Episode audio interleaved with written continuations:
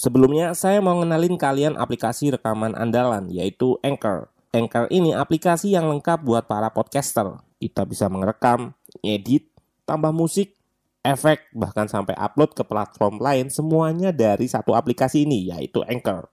Nah, aplikasi ini bisa kalian download di App Store atau Play Store, atau bisa juga dari website langsung di www.anchor.fm. One app that your podcast need. Oh ya, Anchor ini gratis, free transfer.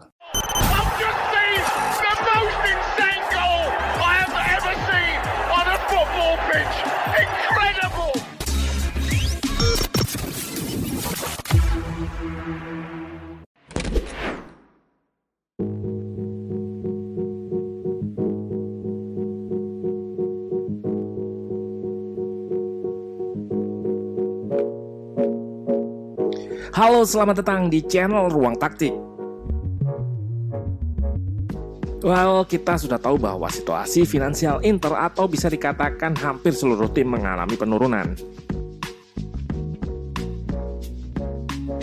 Level penurunannya memang bermacam-macam. Ada yang cuma nggak bisa belanja, sampai ada yang harus kehilangan pemain-pemain bintangnya.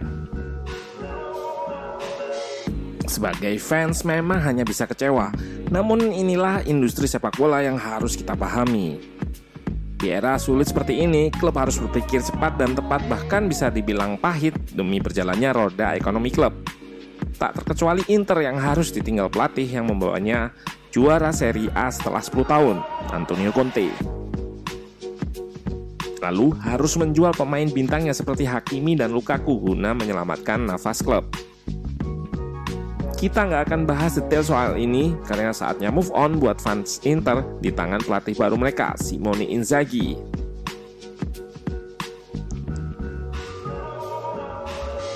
Menariknya, Inzaghi masih menggunakan skema 3 back sama seperti musim lalu. Apa perbedaan taktik antara ex pelatih Lazio ini dengan Conte? Let's go, kita bahas sama-sama. Secara umum Inter turun dengan formasi yang sama 3511 atau 352 Tiga gelandang diisi Brozovic, Barella dan pemain baru yang diambil dari rival Skota, Hakan Calhanoglu. Jika kita lihat formasi ini mirip dengan yang diusung Conte 352 hanya berbeda di depan saja, namun prakteknya salah satu pemain yaitu Lautaro juga kerap turun ke belakang seperti Sensi.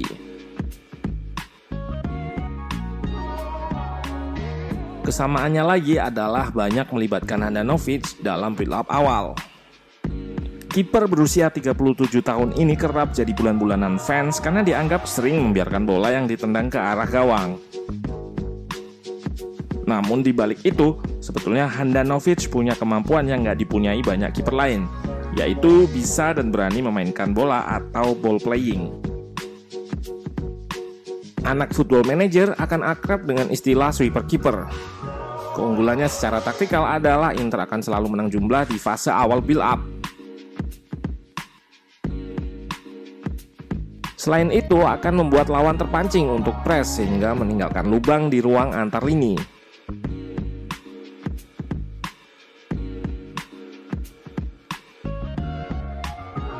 Namun tentunya taktik ini sangat beresiko. Inter sudah mengalami saat laga versus Verona. Memang ada kesalahan umpan dari Handanovic. Namun Inter masih juga memberi bola ke Handanovic sebagai inisiator serangan.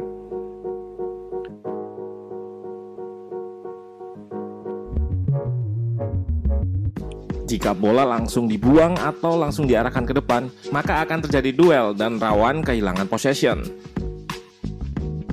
High press Verona memaksa Inter untuk lebih banyak melakukan long ball. Namun ini adalah alternatif bangun serangan langsung karena ada Zeiko di depan.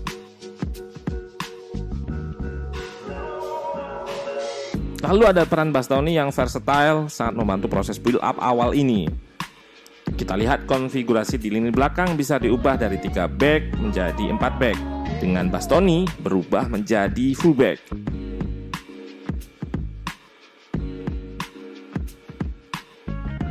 Posisinya yang sedikit lebih ke dalam atau ke belakang membuat lawan harus naik untuk press lalu dengan skillnya melewati lawan tersebut.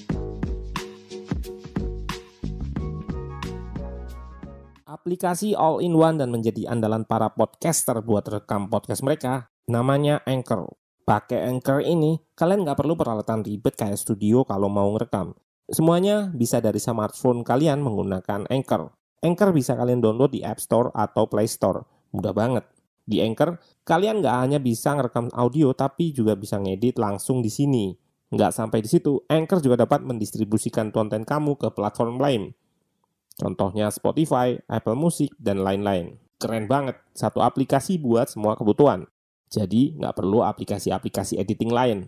Daripada kalian makin penasaran, mending langsung aja download Anchor sekarang. Oh ya, Anchor ini gratis loh. Inter akan bermain dengan setup 3-1. Kita lihat nampak seperti terjadi diskoneksi atau nggak ada penghubung yang dekat dengan Brozovic. Ini adalah salah satu taktik unggulan Inzaghi yang juga dipakai di Lazio, counter movement.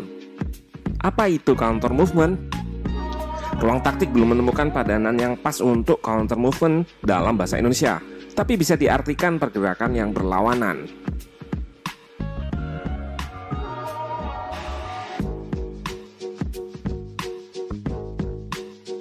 Nah, contohnya seperti ini. Yap, ada pemain yang jemput bola atau drop lalu diikuti pemain yang bergerak berlawanan dengan naik.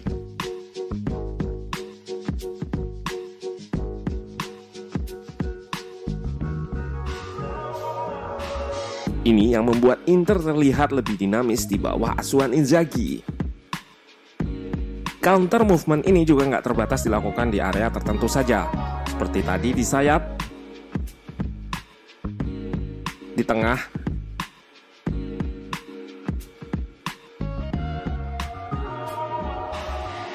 ataupun waktu build up mengandalkan Hananovic seperti ini.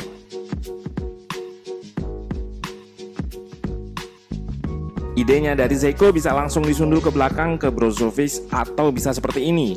Dipantulkan ke belakang oleh Zeko ke Hakan lalu diteruskan ke Brozovic. Bisa kita lihat juga rotasi yang dinamis dilakukan antara Hakan yang menjadi gelandang bertahan dan Brozovic sebagai gelandang serang. Striker seperti Zeko juga punya kemampuan untuk turun dan jadi pemantul, memancing lawan untuk diekspos ruangnya bagi rekan lainnya. Dan taktik ini dikombinasi dengan umpan diagonal dari sayap. Center back yang ke sayap ini untuk membuka jalur operan ke tengah.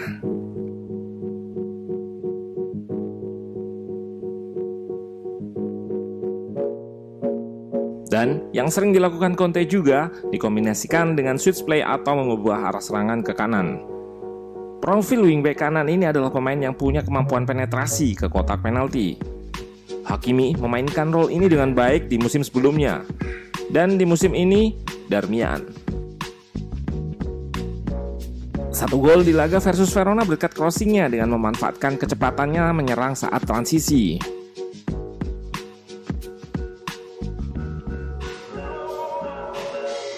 Pemilihan Inzaghi sebagai pelatih memang tepat. Pakem formasi yang sama memudahkan estafet pergantian pelatih dari Conte. Ini memudahkan chemistry yang sudah dibangun oleh sebagian besar pemain. Pemain-pemain baru tinggal beradaptasi dan bahkan pemain yang baru dibeli dan baru masuk di babak kedua, Korea mencetak dua gol di debut pertamanya. Prosesi gol Hakan juga sama. Counter movement, diagonal pass, Lalu, kombinasi antar Zeko dan Hakan seolah-olah menegaskan pengalaman mereka di Serie A yang tinggi membuatnya nggak kesulitan untuk beradaptasi. Dalam bertahan pun masih sama, menggunakan 3 back yang diubah menjadi 5 back. Pertahanan kokoh ini jadi kunci Inter kebobolan paling sedikit di Serie A musim lalu. Per Inzaghi tinggal mempertahankan dan memoles lagi tugas-tugas pressing saat bertahan di dekat kotak penalti. Lalu, kesalahan-kesalahan dalam build-up awal harus dikurangi. Sejauh ini, hanya di match versus Verona, Inter kebobolan sekaligus kesulitan cetak gol hingga menit ke-80. Perjalanan masih jauh dan lawan yang dihadapi akan bertambah sulit. Namun, dengan awal yang baik ini, kans untuk mempertahankan juara masih tinggi.